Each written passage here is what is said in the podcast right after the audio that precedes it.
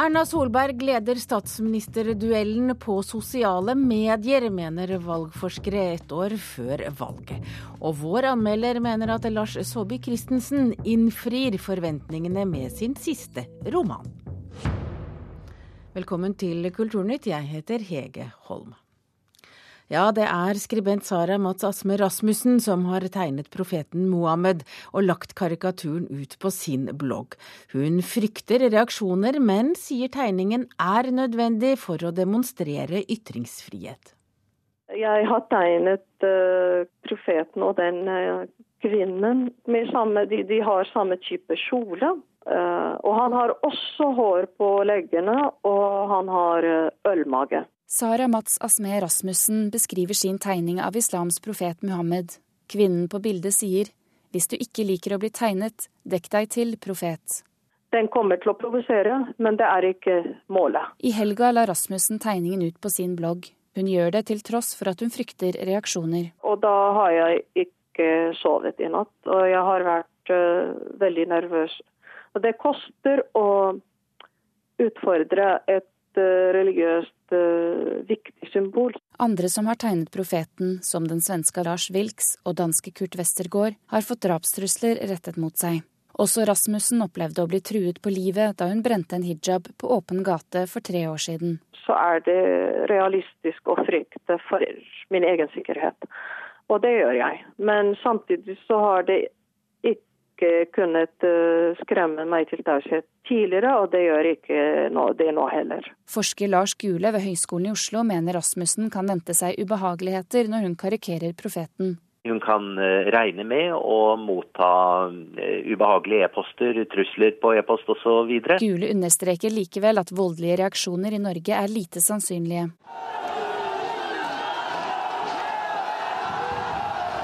Pakistan var blant stedene det var omfattende protester mot filmen 'Innocence of Muslims' i midten av september. Og protestene mot filmen som latterliggjør profeten, fortsetter. I går demonstrerte tusenvis i Pakistans største by, Karachi.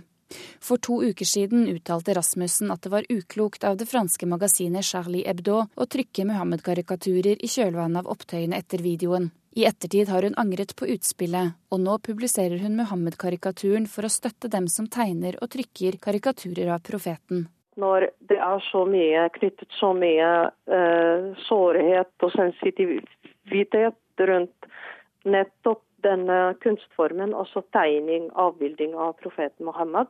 Og vi har sett så veldig kraftige eh, reaksjoner, eh, mange utslag av vold så syns jeg at det, dette viser at uh, det er nettopp her man må ikke gi etter for uh, trusler og vold, uh, men forsvare konsekvent prinsippet om ytringsfrihet. Rasmussen omtaler seg selv som sekulær muslim. Det er viktig at nettopp muslimer tegner profeten, mener hun. Men Lars Gule mener det kan vekke enda sterkere reaksjoner at kritikken kommer fra ens egne. Fordi eh, da snakker vi gjerne om at noen bedriver eh, ikke bare blasfemi, men eh, også har, har vendt islam ryggen. Men jeg håper at flertallet av muslimer vil forstå det jeg har prøvd å si. At det fins mange blant oss som ønsker en positiv utvikling bort fra tabuer og dogmer mot mer åpen kultur. Ja, Reporter her var Ida Kvittingen, og vi holder oss til eh, tema. Ikea har nemlig fjernet så godt som alle kvinner fra bildene i selskapets katalog i Saudi-Arabia. I de aller fleste land ser Ikea-katalogen lik ut, men møbelgiganten har sørget for å lage en egen versjon til Saudi-Arabia. Det skriver den svenske avisa Metro. Her er nesten alle kvinnene og mange jenter retusjert bort fra bildene, og på et av bildene er en kvinne med øredobber, bare føtter og en liten utringning blitt til en mann med svarte sokker. I det strengt muslimske Saudi-Arabia har kvinner verken lov til å kjøre bil eller å gå alene på gata. Og Metro har forsøkt å få Ikea til å uttale seg om saken, men selskapet har så langt ikke ønsket å komme med kommentar.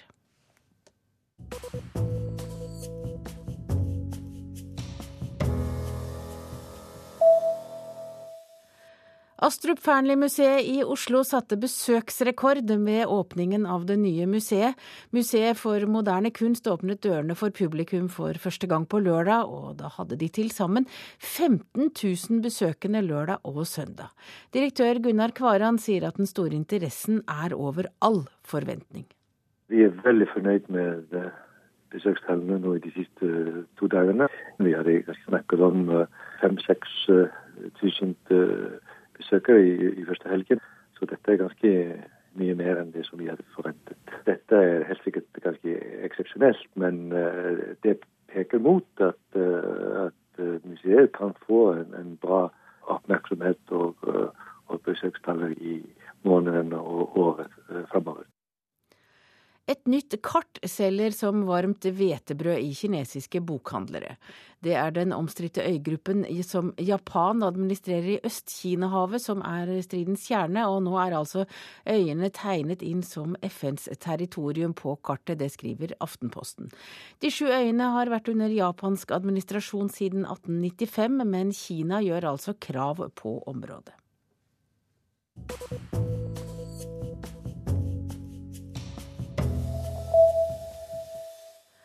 Da skal vi til Russland, for i dag starter ankesaken medlemmene av, mot medlemmene av punkebandet Pussy Riot, eller ankesaken som de har gått til. Det er tre av medlemmene i bandet som eh, i august ble dømt til to års fengsel for oppvigleri og religiøst hat. Pussy Riot har bl.a. fremført kritikk av Vladimir Putin og hans nære bånd til den russisk-ortodokse kirken, og det har de gjort i Moskvas største katedral tidligere i år. Nå ber den russisk-ortodokse kirken medlemmene om å angre. Og Moskva-korrespondent Hans-Wilhelm Steinfeld, eh, hvorfor skjer det nå? Det er nok naturlig å se Kirkens kommuniké fra i går i sammenheng med all den kritikken som denne straffedommen på to år er blitt møtt med i vest. I kommuniké sier den russisk-ortodokse kirke at dersom medlemmene av punkebandet Pussy Riot i dag i retten beklager sin helligbrøde, det å ha avbrutt en gudstjeneste i vår frelserkirke, så vil Kirken gå i forbønn eh, for domstolen og, i, og be om nåde for de tre straffedømte jentene. Ja, Kan det få konsekvenser for jentene hvis de nå skulle stå fram og angre i dag? De har jo i og for seg beklaget og sagt at Vår Frelserkatedralen ikke var det beste stedet for en aksjon mot president Putin. Så slik sett har de ikke så lang vei å gå til den type beklagelse Kirken er ute etter. Og skulle det skje, så kan f.eks. dommen i dag bli gjort om til betinget fengsel. Hva er ventet eh, som resultat av ankesaken? Det var vel nettopp det jeg sa, at dersom jentene imøtekommer Kirkens bud om anger, så kan dette f.eks. bli en betinget dom i stedet for to års ubetinget fengsel. Men det er hvis de angrer? Hvis ikke, ja, så blir den stående. Men det er jo ikke den eneste saken i Russland der kulturuttrykket er kontroversielt. For et teater sør i Russland etterforskes fordi det skulle vise musikalen Jesus Christ Superstar. Og det er innbyggere i byen der det skulle spilles, som nå har anmeldt oppsetningen. Hvorfor det? Ja, Det er faktisk en teatergruppe fra St. Petersburg som skulle oppføre Jesus Christ Superstar av Tim Rice i Rastov ved Don. Og det er mer enn en etterforskning for en lokal domstol. etter etterkom en begjæring fra troende om å forby oppsetningen. Og russisk lov er slik at hvis en lokal rett har forbudt et f.eks. teaterstykke, så vil dommen gjelde over hele Russland. Dette må de føderale myndighetene her i Moskva ta i et standpunkt til i dag på mandag 1.10, om det faktisk skal skje. Men, men hva er det ved Jesus Christ Superstar som de reagerer på? Det kommer, dette utspillet fra de troende i Rastov kommer like etter at en dom i Grosny, Tsjetsjenia forbød den meget omtalte filmen om livet til profeten Mohammed. Og så sier de troende i Rastov at tidligere kunne ikke de forsvare sine rettigheter og respekt for sin tro. Og de mener at det å kalle Jesus for en superstar er å degradere deres helligste figur i kristen tro. Ja, det er ikke lett å være kontroversiell i den russisk-ortodokse kirken? Nei, og eh, nå i helgen hadde president Putin for første gang møte på fem år i Kulturrådet. Og da sa presidenten, ikke minst med tanke på Pussy Riot, at kulturell fattigdom rår i Russland. Det fikk han veldig støtte for blant kultureliten som sitter i dette rådet. Og det vil bli fremmet et forslag for Dumaen som setter inntil to års fengsel for å krenke religiøse følelser. Ifølge den russiske søndagsrevyen i går kveld støtter 80% av russerne denne ideen, og det er ventet at Dumaen med de tre partiene som sitter der, eh, vil enstemmig stemme for denne lovendringen.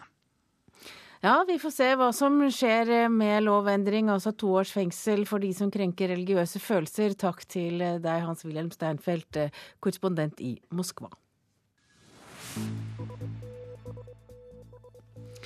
Ja, da skal vi til eh, valgkampen, som jo ikke helt er satt i gang ennå. Det er et år til eh, stortingsvalget. Men statsministerduellen mellom Jens Stoltenberg og Erna Solberg er i full gang på sosiale medier. Og fram mot valget neste år er nettsteder som Facebook og Twitter viktigere enn noen gang for valgstrategene, og Jens og Erna kjemper nå om å tiltrekke seg flest velgere gjennom sosiale medier. Og fortsatt ligger eh, Erna Solberg et lite hakk foran Jens. Det mener valgforskere.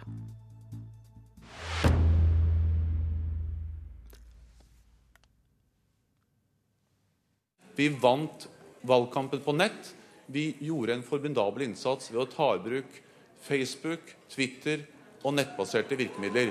Så vi har greid det har gått tre år siden Jens Stoltenberg tok æren for å ha vunnet valget på sosiale medier.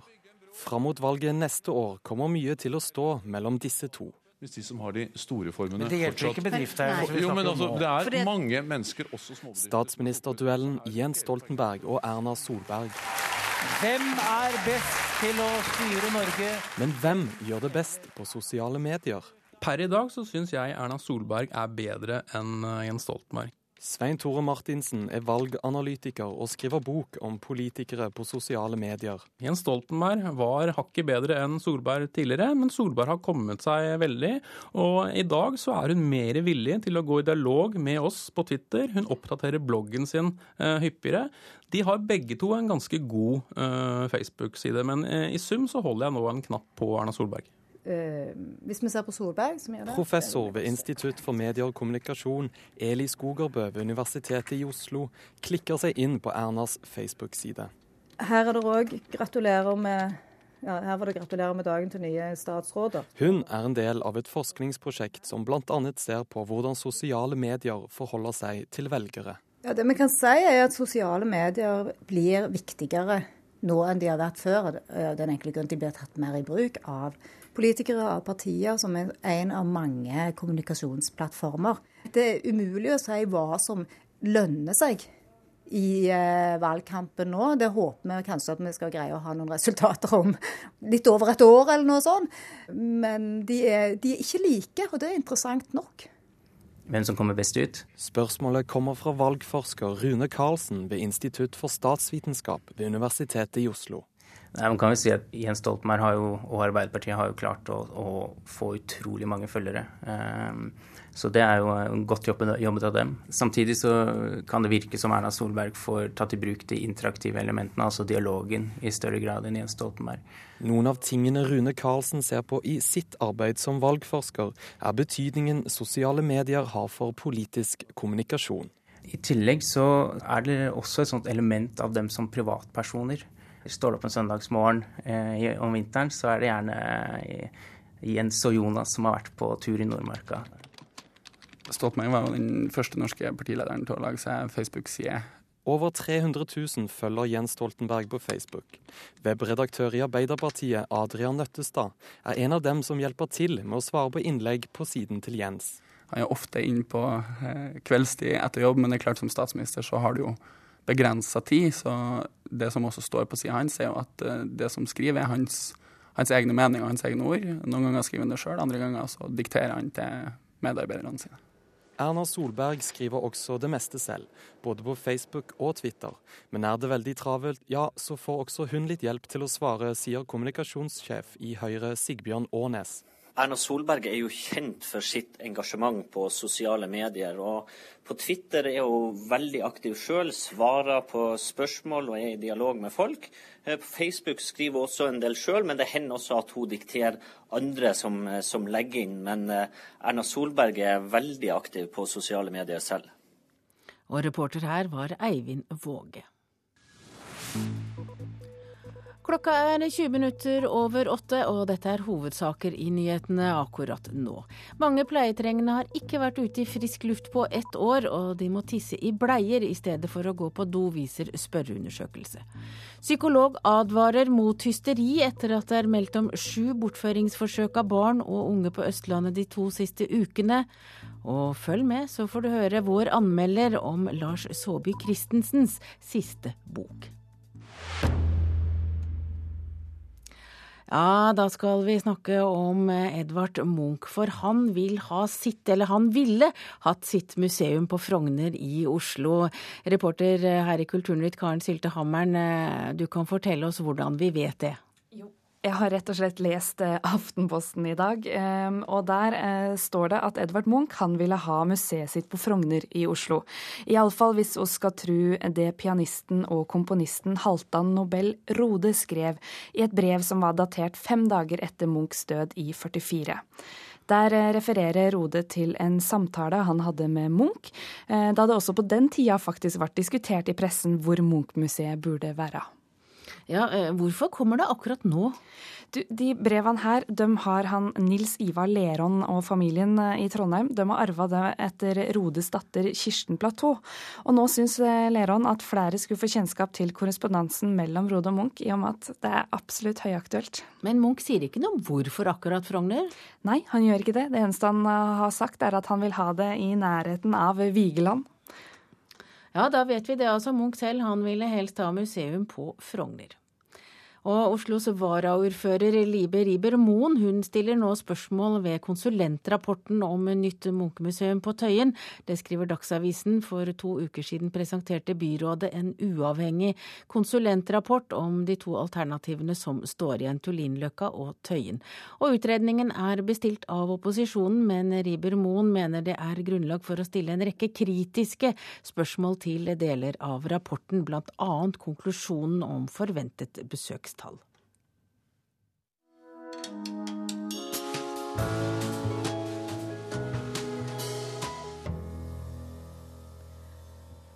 Og det er altså kommet en ny roman fra Lars Saabye Christensen. Den heter uh, Sluk. Og det ventes, eller det er skapt store forventninger til romanen, og vår kritiker Leif Ekle mener forfatteren lykkes med en dristig komposisjon. Vi har én roman i tre distinkt adskilte deler. De er ulike i form, innfallsvinkel og ikke minst i språk. For det første, den 60 år gamle forfatteren Funder forteller, sett fra sin nåtid, om sommeren 1969, månelandingssommeren på Nesodden i feriehuset. Det kan synes som om vi har lest det før, en stund. Dernest en innskutt roman i romanen, en dyster fortelling fra en amerikansk småby som har stoppet opp, bortsett fra toget som ikke stopper der lenger. Atypisk såby Christensen. Til slutt en epilog der vi møter Funder igjen, i hans nåtid som 60-åring, utskrevet fra et opphold på en institusjon i USA. Såby Christensen er gjenkjennelig, men sårt, tungt reflekterende over ting som gikk galt, og i stå. Tredelingen av romanen er et av dens mest interessante trekk. Samtidig ligger det viktigste kriteriet for om forfatteren lykkes nettopp her. Det overordnede spenningsfeltet er fortøyd i denne inndelingen, og leseren må henge på til sammenkoblingene skjer.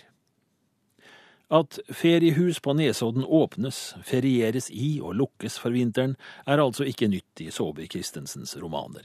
Det er heller ikke skakke unge menn med hang til underlige utsagn og språklige merkverdigheter, men uansett hvor gjenkjennelig overflaten er i denne første delen, er sluk noe annet noe følelsestungt og mørkt, men fremfor alt en sterk bevegelse inn mot alt mennesker kan dra med seg gjennom livet, fra ungdom eller barndom, ting som får proporsjoner det i en fornuftens verden ikke var grunnlag for.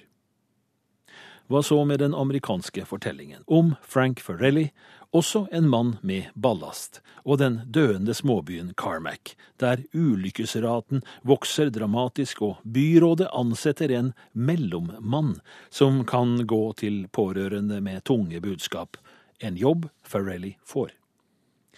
Denne fortellingen stikker som nevnt av fra det øvrige. Den har et språk vi ikke uten videre forbinder med Saabye Christensen, og fortelles i en tydelig amerikansk realisme som ikke skjuler det absurd truende i byens svarte stemning og håpløshet. Lars Saabye Christensen spiller høyt med dette grepet, og han lykkes i det sammenfallende føyer seg til hverandre, mens de besynderlige overtonene og sorgen blir med funder helt ut, er ringen akkurat så hel som den bør være. Ja, og en utvidet versjon av Ekles anmeldelse kan du lese på nrk.no. Du har hørt en podkast fra NRK P2.